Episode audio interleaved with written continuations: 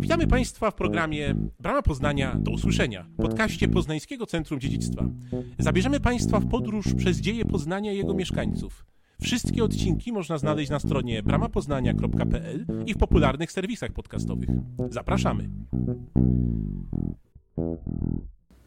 Dzień dobry Państwu, witamy serdecznie w kolejnym odcinku naszego podcastu Brama Poznania do usłyszenia. Chwili, kiedy to y, nagrywamy, rozpoczyna się nam wiosna, wokoło przyroda odnawia swój cykl życiowy, budzi się do życia. Świat człowieka od wieków podporządkowany był siłą i cyklom przyrody, temu jak słońce krąży po nieboskłonie, zjawiskom atmosferycznym i tak dalej. Dzisiaj wraz z Ligią. Dzień dobry, Ligia. Dzień dobry, Janku. Ładnie filozoficznie zacząłeś.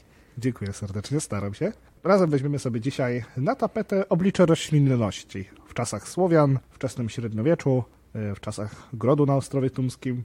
No właśnie, czy możesz nam zdradzić, czy istniało coś, co w szczególny sposób wiązało dawne ludy słowiańskie z naturą? Tak, mogę zdradzić. Wydaje się, że podobnie jak inne ludy y, żyjące na średnich szerokościach geograficznych, może poprzez taką analogię dawni Słowianie również opisywali siebie jako składową przyrody.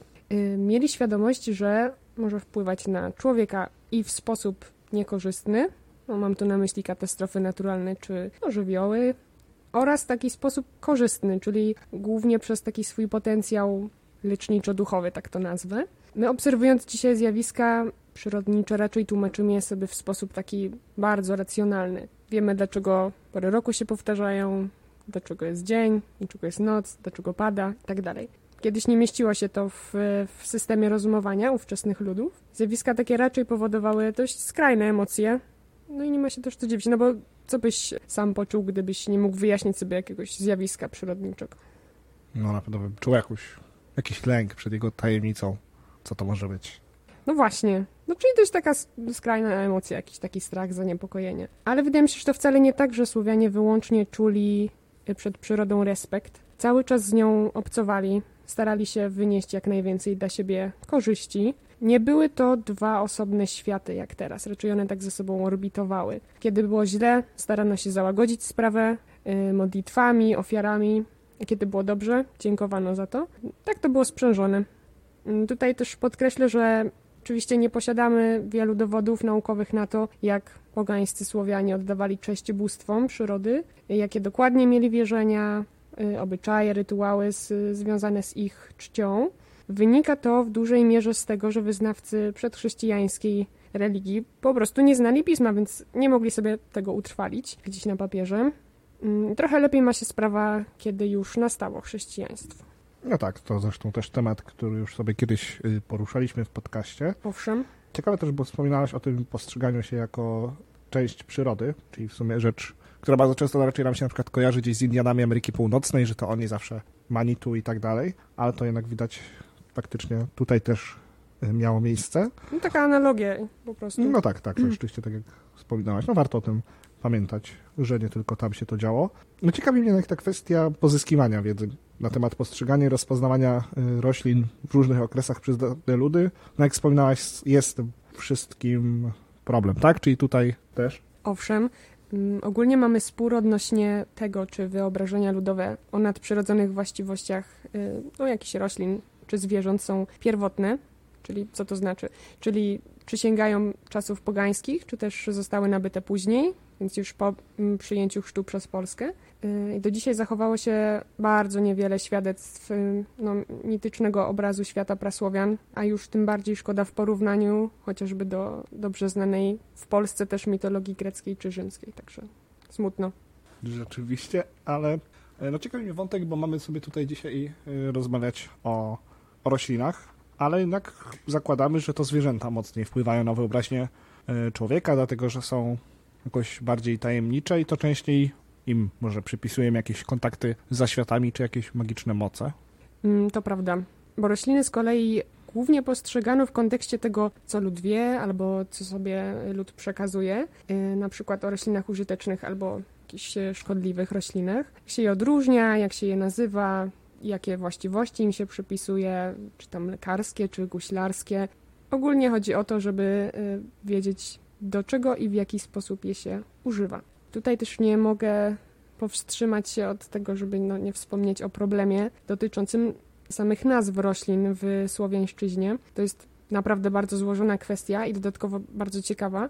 Tutaj mm, trzeba podkreślić, że każdy z wielu gatunków ma w gwarach y, danego języka od kilku do nawet kilkudziesięciu y, nazw i po prostu ogarnięcie ich wszystkich i rozpatrzenie, jakaś tam szczegółowa analiza jest zadaniem naprawdę trudnym. I taki badacz nigdy nie może powiedzieć, że zgromadził wszystkie nazwy gwarowe danego gatunku. Nigdy. Zazwyczaj w tych nazwach są oddane takie cechy gatunkowe, czyli typowe po prostu dla danego gatunku. Y, I tutaj na, na potrzeby podcastu poszperałam trochę i mam przykład właśnie y, wielości nazw dla jednego gatunku z gwar polskich. Proszę się nie bać, nie będę ich wszystkich mówić, ale chodzi o kuklika pospolitego. I on, jak sama nazwa mówi, jest pospolity też tutaj na, na Niżu, mhm. Mm, u nas w Polsce. I tam naliczyłam 12 różnych nazw. No, na mnie to robi wrażenie, nie wiem, czy na tobie też. No, na mnie też. Czyli jakby w samym języku polskim mamy 12 nazw na tą samą roślinę. Zgadza się. No to dużo. Faktycznie. No więc wniosek jest taki, że badacz roślin powinien być i po prostu jednocześnie dialektologiem, i botanikiem, i historykiem kultury. No, co tam jeszcze ci się nasuwa? Jakiś kulturoznawca, etymolog też chyba, jak o. najbardziej. Mm, no i tylko wówczas będzie miał jakieś odpowiednie kwalifikacje, żeby po prostu podjąć się tego zadania. Okej, okay, no czyli tak jak już sobie kiedyś mówiliśmy, tak jak już teraz tutaj wspominałaś, kult przyrody na dawnej Słowiańszczyźnie był y, bardzo silny. Czytałem, słyszałem też, że jeśli chodzi o te różne siły przyrody, to Słowianie dużo czasu, dużo uwagi poświęcali y, Słońcu, bo to ono też tak napędzało do tych wszystkich przemian. Zgadza się. Y, wiadomo, A ciebie nie napędza? No mnie trochę też, rzeczywiście, no, chce mi się więcej robić, kiedy słoneczko świeci, niż gdzieś tam zimą, kiedy nam się chowa. A drugim takim e, żywiołem była też woda, czyli życiodajny napój, tak? Zgadza się, zgadza. No, wszystko, co powiedziałeś, jest prawdą, ale dopowiem tutaj, że jeszcze w tym wszystkim był las i on stanowił osobną sferę sakrum, y, o której może chcesz posłuchać. Jak najbardziej i tak korzystając teraz sobie trochę z swojej wiedzy, jeśli mówisz las i strefa sakrum, to domyślam się, że pojawi nam się wątek jakichś świętych gajów, tak? Tak, jak najbardziej. Bo to, jak ważny był kult przyrody, widać w tym, jak często miejsca kultu znajdowały się w świętych gajach. I to były gaje przede wszystkim dębów i lip.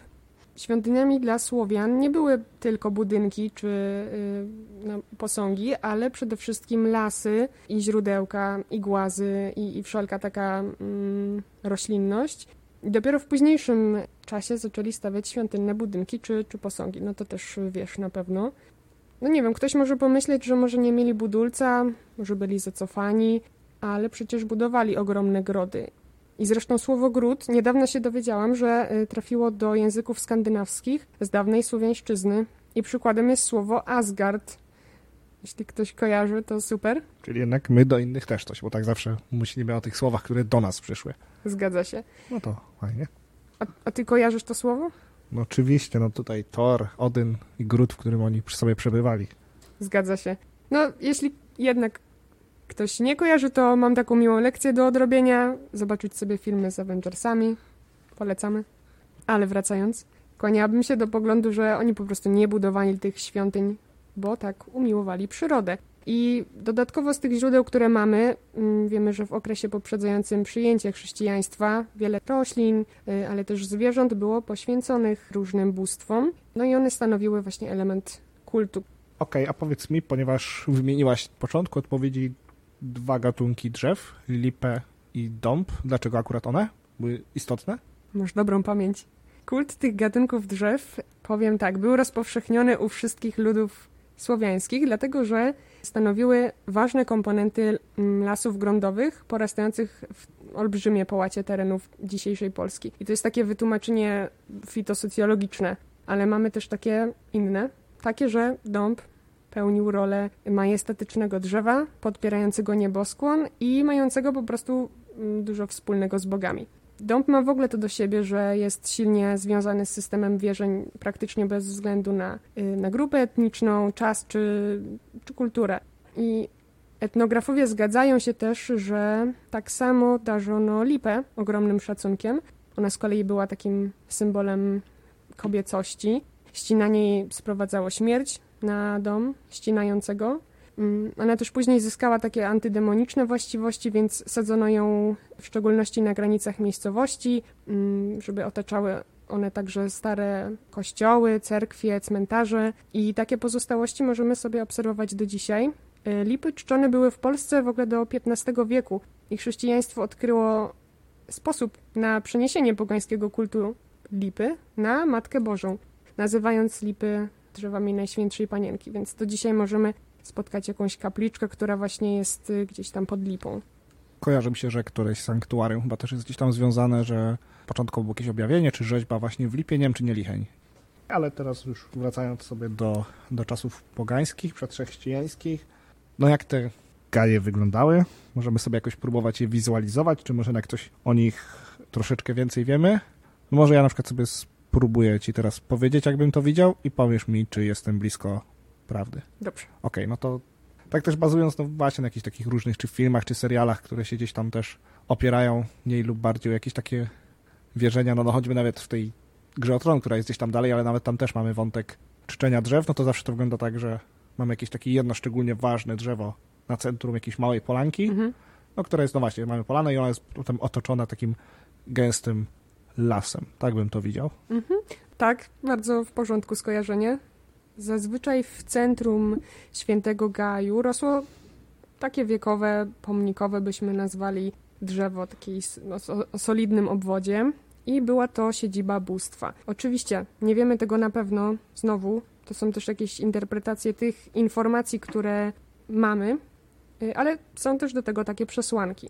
Też o, oczywiście cały czas y, o tym drzewie takim pomnikowym mówimy o dębie i o lipie. Ale tym drzewom też towarzyszyły inne y, gatunki drzew, takie jak brzoza, która miała przywracać siły witalne, jarzębina, ona służyła do odstraszania złych mocy, leszczyna, która uważana przez zachodnich Słowian y, była za jakieś takie drzewo bardzo przyjazne dla człowieka, czarny bez, pokrzyk wilcza jagoda, y, były też olchy i wierzby, które raczej wiązano z, z jakimiś ciemnymi mocami, wilkołakami, wampirami. Zresztą mam wrażenie, że do dzisiaj, jak wejdzie się do takiego bagiennego lasu olszowego, to się takie jakieś niepokojące wrażenie, że jest tak, no, nieprzyjemne takie moczary. Później jeszcze Ol- Olsza Czarna była w opinii niektórych mieszkańców Słowiańszczyzny ym, zamieszkiwana przez samego diabła. I znam też takie, przeczytałam takie wytłumaczenie y, odnośnie innego drzewa, topoli osiki. Dlaczego jej liście drżą na wietrze? Bo to można bardzo łatwo zaobserwować faktycznie w, dzień, kiedy wieje wiatr. No i dlaczego? Drżą? Dlatego, że Judasz chciał się na niej powiesić. Wybrał to drzewo, y, a potem zmienił zdanie, ale mimo wszystko ta osika, to topola osika nadal trzęsie się jak przerażona. No i jeszcze wspominałam o czarnym bzie. To też jest ciekawa sprawa, bo jego znaczenie demoniczne odnosiło się do, głównie do korzeni, które były siedzibą jakichś ciemnych mocy, których towarzystwa raczej nie szukano w życiu codziennym. Zwracano się do nich głównie w sytuacji zagrożenia. E, Znany był zakaz jego ścinania, a także palenia jego drewna. I tutaj przekrój badań etnograficznych, chociażby właśnie na przykładzie tego bzu czarnego, jest naprawdę szeroki, bo od XIX do XXI wieku. Także podkreślam, że cały czas się staramy coś wyłuskać wśród tych informacji, które cały czas zdobywamy. Zaciekawił mnie dosyć wątek bzu, bo tak lubimy sobie zrywać jego gałązki, bo to ładnie wygląda, takie białe czy fioletowe kwiatki. A to, to nie ten bez, to pan myli. A to z czym mylę? To to, to jest? Mylisz to z lilakiem pospolitym.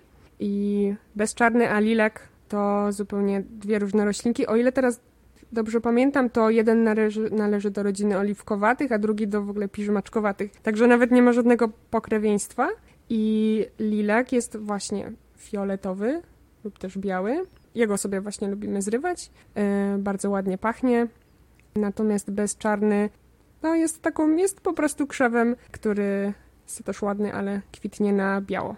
Można z niego też z tych kwiatów robić kotlety. Okej, to do zapamiętania ciekawostka w takim razie. Być może ktoś z Państwa też tak błądził jak ja i nazywał lilaka bzem. Ale wróćmy jeszcze trochę do roślin, które wymieniałaś przed chwilą. Padła taka nazwa, która brzmi trochę, myślę, magicznie. Pokrzyk wilcza jagoda. Co to właściwie jest za roślina i czy słusznie myślę, że ma tam jakieś magiczne tło w sobie? Oj ma.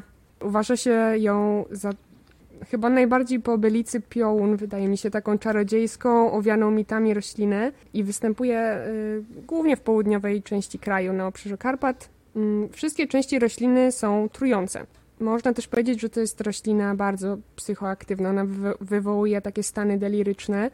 Także nawet po przyjęciu chrześcijaństwa stosowana była przy rozmaitych zamawianiach i szeptach, do czego używano ugotowanego korzenia, który następnie dawano do wypicia osobom obłąkanym, jak się mówi. No jednak badacze tu uważają, że bardziej po to, aby ten chory już zmarł, niż w celu jego wyleczenia.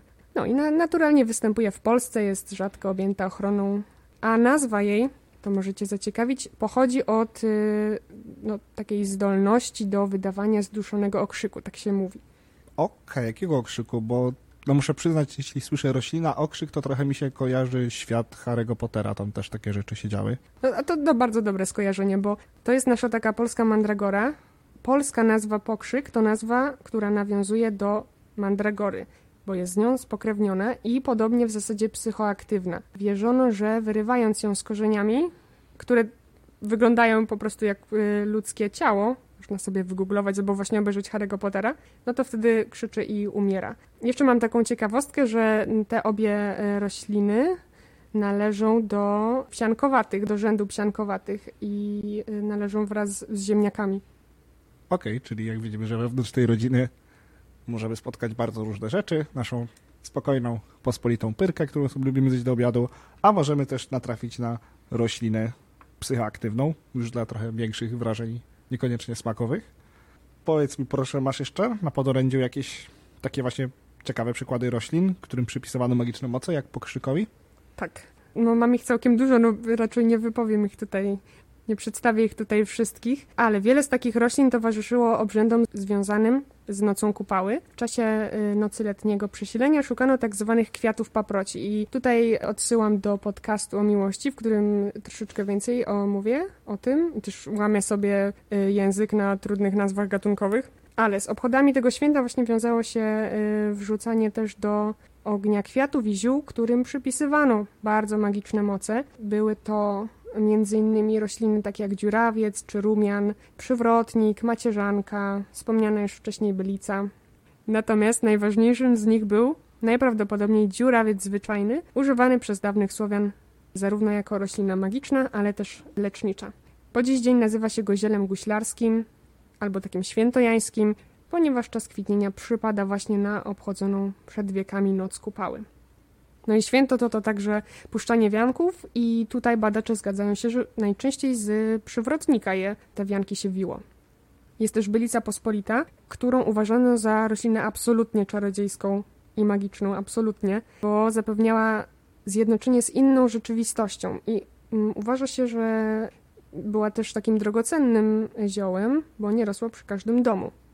I jeszcze odnośnie pytania przypomina mi się macierzanka. Taka dość niepozorna roślinka. Ona stosowana była jako zabezpieczenie przed czarami, też zabezpieczenie przed ukąszeniami owadów, ale myślę też, że dzisiaj na komary również by się dobrze przydała. Pod zapamiętania. Kolejny protip od nas dla Państwa. A jeszcze tak mi się przypomniało, teraz może ja zadam Ci pytanie, bo... Jasne. A gdybyś na przykład musiał zawierzyć dziecko jakiemuś drzewu, żeby go ochroniło, to które by to było? Tego, co do tej pory usłyszałem, no to ta lipa bardzo kusi, bo to takie pozytywne rzeczy tam były związane jednak. Lipa, okej. Okay. Myślałam, że wybierzesz y, dąb, ale ciekawe. Nie, y, chodzi mi o jesion, bo pod jesion też zanoszono pierwsze obcięte dziecku paznokcie, właśnie w celu ochrony. Taka ciekawostka. No też ciekawostka, jeśli ktoś ma ochotę, może poszukać sobie teraz jesionu w swojej okolicy. Dobrze, tak sobie też myślę, że no przy tych wszystkich związkach człowieka z przyrodą, jakiejś całej magii, no nie sposób nie zapytać o jakieś różnego rodzaju czarownice, wiedźmy, no bo tak myślę, że też w naszych wyobrażeniach nieraz te rośliny się tam z nimi kojarzą, że coś tam z nich ważą, czy palą w ogniskach, i tak dalej. Coś powiesz na ten temat? Mhm, prawda. No nie sposób tych wszystkich anegdot i, i wierzeń, czy tam mitów pisanych przez, czy potwierdzonych przez badaczy spamiętać, ale jest taka roślina, kopytnik pospolity i ona uważana była za ziele czarownicy do tego stopnia, że w 1688 roku w Małopolsce oskarżono jedną y, z kobiet o czary, zarzucając jej, że z kopytnika robiła placki, którymi mogła odbierać krowom mleko. Także szeroki zasięg zbrodni. Ogólnie kopytnik, zwłaszcza jego kłącza, są bardzo trujące. Nazwa pochodzi od tego kształtu, jak możesz się domyślić, który prezentuje y, liść, takie kopytko. On ogólnie jest y, w naszym runie leśnym i bardzo ładnie uzupełnia przestrzenie. Zauważono to, więc dzisiaj jest raczej rośliną okrywową, która została przeniesiona do parków. Jest też historia z tojadem, który noszony przy sobie zabezpieczał przed pojawieniem się czarta, i który napastował młode kobiety w lesie. Chociaż praktycznie nie wiem, jak... Ten czart, nie tojad? Tak, ten czart. To znaczy noszono tojad. Tak, tak, ale nie po prostu nie byłem pewien. Chociaż nie wiem, jak praktycznie y, to robiono, bo tojad to jest po prostu trucizna na wyciągnięcie ręki. I ona, pomimo tego, że ma bardzo ładne kwiatostany, fioletowe i takie okazałe, to lepiej jej w ogóle nie dotykać. Ta roślina jest bardzo trująca. W zasadzie jest porównywana z arszenikiem i tak się go w zasadzie nazywa arszenikiem roślinnym albo też mordownikiem. Ponoć ekstraktem z tej rośliny um, otruto Sokratesa. Albo też czytałam teorię, że szalejem jadowitym. No ale to myślę, że to już nie jest istotne, bo i mordownik i ten szalej to są nazwy adekwatne do zabójstwa. A w Polsce występuje głównie w górach, w zasadzie tylko tam. I jeszcze mam trzeci przykład. To jest barwinek, który w przeciwieństwie do tego poprzednika, on raczej występuje na niżu i też raczej jako roślinka ozdobna. W średniowieczu był on atrybutem czarownic, zielem, które gdzieś tam zawsze miały pod ręką, a w późniejszych wiekach miał on od tych czarownic chronić. Że w życiu nic nie jest stałe, jak widać. No nie jest i jak też widać musimy trochę uważać teraz tu w parkach czy w lasach sobie spacerując, bo roślinki, które nam się wydają czymś zwyczajnym, to jakoś mogą nas powiązać z jakimiś czarami, wiedźmami, diabłami, magią i tak dalej. Albo Więc... mogą po prostu oparzyć jak pokrzywa. Albo mogą właśnie po prostu uparzyć, albo nie daj Boże jeszcze coś gorszego jak tojad, więc polecamy też uważać. A przejdźmy sobie teraz troszeczkę jeszcze na chwilę do opisu wszechświata według prasłowian. Kiedyś czytałem jakieś takie różne teorie, jak oni to tam podobno widzieli i z tego co pamiętam motyw roślinny tam jest i właściwie no w jaki sposób on się tam pojawił, dlaczego drzewo stało się jakimś centralnym motywem powstania wszechświata. No to pytanie jest niestety trudne i nie mam narzędzi, by na nie odpowiedzieć y, tobie w pełni, także nie zaspokoję twojej ciekawości. Badacze przypuszczają, że drzewo stanowiło oś świata, dlatego że korona podpierała kosmos, przenikała wszystkie sfery y, wszechświata i to dodawało takiego boskiego pierwiastka. I właśnie to stanowiło przedmiot czci. Można sobie więcej po prostu o tym poczytać i nie chciałabym tutaj wprowadzać w błąd, bo tych koncepcji jest troszeczkę więcej. Natomiast obraz drzewa najczęściej utożsamiany był z dębem z tych względów, które po prostu poruszałam wcześniej. W oczach dawnych Słowian wyróżniał się na tle innych drzew masywnym pniem, rozłożystymi gałęziami, korzeniami, które dość bujnie też porastały ziemię, tak samo liśćmi i dość charakterystycznymi owocami. W postaci czego? No żołędzi, oczywiście. Tak. No przepraszam, że tak wypytuję. Sprawdzam twoją czujność. Nie ma problemu. No zresztą nie ma się co dziwić, myślę, y, bo może ta wizja powstawania świata brzmi dość naiwnie, ale na przestrzeni dziejów powstawało i pewnie jeszcze wiele powstanie no, interesujących teorii dotyczących założenia naszego świata. No w istocie jednak to tak trochę co religia, to jakaś wizja się tam pojawia. No czasem podobne, ale jednak spojrzenia są bardzo różne. Tak sobie teraz myślę tutaj z perspektywy tego, że no już rok pandemii za nami, zaczynam coraz bardziej zazdrościć naszym dawnym przodkom, że spędzali jednak tyle czasu no, na łonie na natury, tak bardzo z nią obcowali. Też byśmy chcieli, a jednak trochę zamknięci w domu, a na przyroda na pewno ma duży wpływ na nasze zdrowie psychiczne, fizyczne, duchowe też. Rzeczywiście, w ogóle warto poczytać sobie badania na ten temat, bo zauważono, że fascynacja, ale taka łagodna fascynacja przyrodą, naturą, ułatwia kontemplację w ogóle życia. To tak brzmi górnolotnie, ale myślę, że y, warto zwrócić uwagę na to, że, że kontakt z przyrodą zapewnia taką równowagę, kontrolę układu nerwowego, spokój.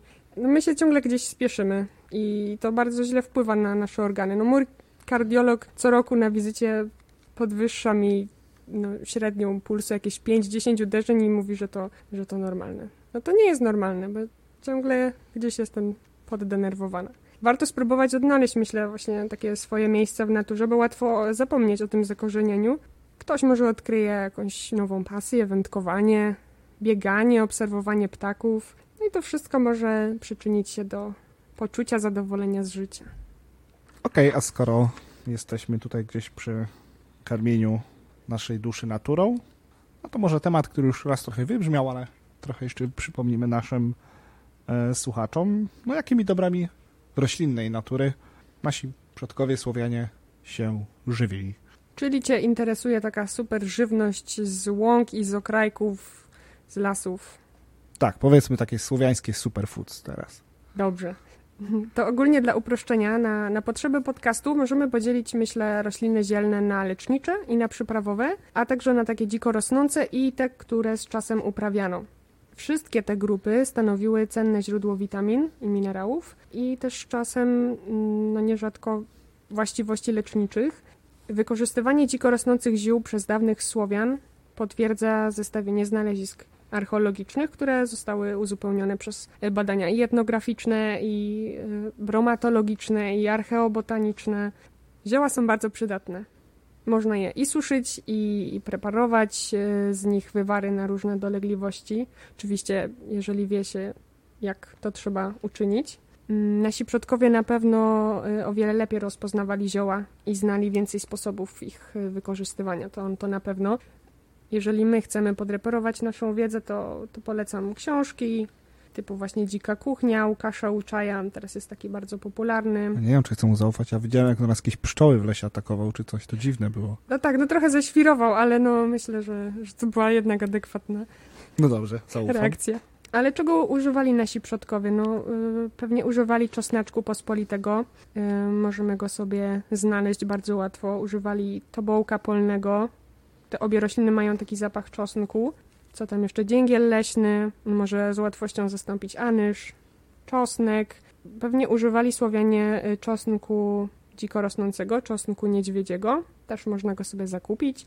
Znaleźć również gorczycę, gorczycy polnej. Tutaj trochę nie wiem, jakie ona miała do końca znaczenie dla naszych przodków, bo pewnie stanowiła jakąś część do, składową do marynat, ale czy nasi przodkowie już potrafili zrobić z niej musztardę, to tego nie jestem w stanie na to odpowiedzieć. Mm, jest też roślina o dość podobnej nazwie, gorczycznik pospolity i ona ma taki bardzo korzenny y, smak, te liście zwłaszcza. Okej, okay, to tak te rośliny brzmią nam smakowo bardzo podobnie do, do tego, co my teraz jemy, więc jak myślisz, czy moglibyśmy założyć, przyjąć, że jedzenie dawnych Słowian nam również by smakowało? To pytanie chyba nie jest takie trudne, na, na jakie wygląda. Wystarczy, wydaje mi się, wziąć y, gotową mieszankę wegety albo y, myślę, że nawet w ziołach prowansalskich znajdziemy jakiś taki y, staropolski akcent. Przeczytać sobie skład i myślę, że okaże się, że obecnie używamy no, dość podobnych przypraw, co nasi średniowieczni przodkowie. Wiemy też z podcastu o, o jedzeniu i tu znowu zachęcam, żeby sobie e, gdzieś go odtworzyć, e, że rolę produktów podstawowych odgrywały i kasze, i mąka z pełnego przemiału, nabiał, mięso. I tam właśnie też mówiliśmy szerzej o, o takim podstawowym zestawie przypraw. No moja osobista opinia jest taka, że, że wydaje mi się, że być może my mamy nawet jakieś takie uwarunkowania genetyczne, smakowe, no i dlatego ten smak potraw y, dawnych Słowian może być po prostu podobny do tego naszego. Na pewno jest bardziej urozmaicony, ale ten trzon gdzieś tam jest. Ale co, co chyba dość istotne, no to jeżeli się nałoży właśnie sposób żywienia Słowian na obecną piramidę żywieniową, no to raczej można stwierdzić, że bliższy ideałowi jest yy, no, ten sposób odżywiania Słowian. Okej, okay. to dziękuję serdecznie za odpowiedź na pytanie i tak powoli już przechodząc do końca, podsumowując to, o czym sobie dzisiaj y, porozmawialiśmy, to myślę, że tak patrząc na to, jak żyli nasi przodkowie, zarówno w czasach przedchrześcijańskich, jak i też początku chrześcijaństwa, no to myślę, że porównując to z dzisiejszymi czasami, patrząc na tą przyrodę, która wokół nas też niestety w wielu miejscach umiera, jest degradowana, to myślę, że przydałoby nam się trochę więcej przyglądania jej i więcej zrozumienia. Może właśnie trochę pójść w tę stronę, co nasi przodkowie, którzy, jak widać, bardzo tak dwoiście pojmowali formę, że skupiali się zarówno na tym, co natura mogła faktycznie im dać tak czysto praktycznie, czyli te wszystkie jakieś zioła, lekarstwa i tym podobne rzeczy, no ale jednocześnie gdzieś czuli ten ogromny respekt i nawet czasami trochę lęk przed jej prawami. Mhm. No tak, tak, masz, masz dużo racji. Mnie się bardzo podoba sentencja no, wrażliwego na piękno przyrody Davida Attenborough i on powiedział, że musimy y, pielęgnować świat przyrody, ponieważ jesteśmy jego częścią i jesteśmy od niego zależni. No i wydaje mi się, że to jest tak bardzo adekwatne podejście do tej sytuacji, w jakiej się znajdujemy i takich tarapatów, w jakich jesteśmy, no że nic, tylko zacząć działać na, na korzyść tego środowiska.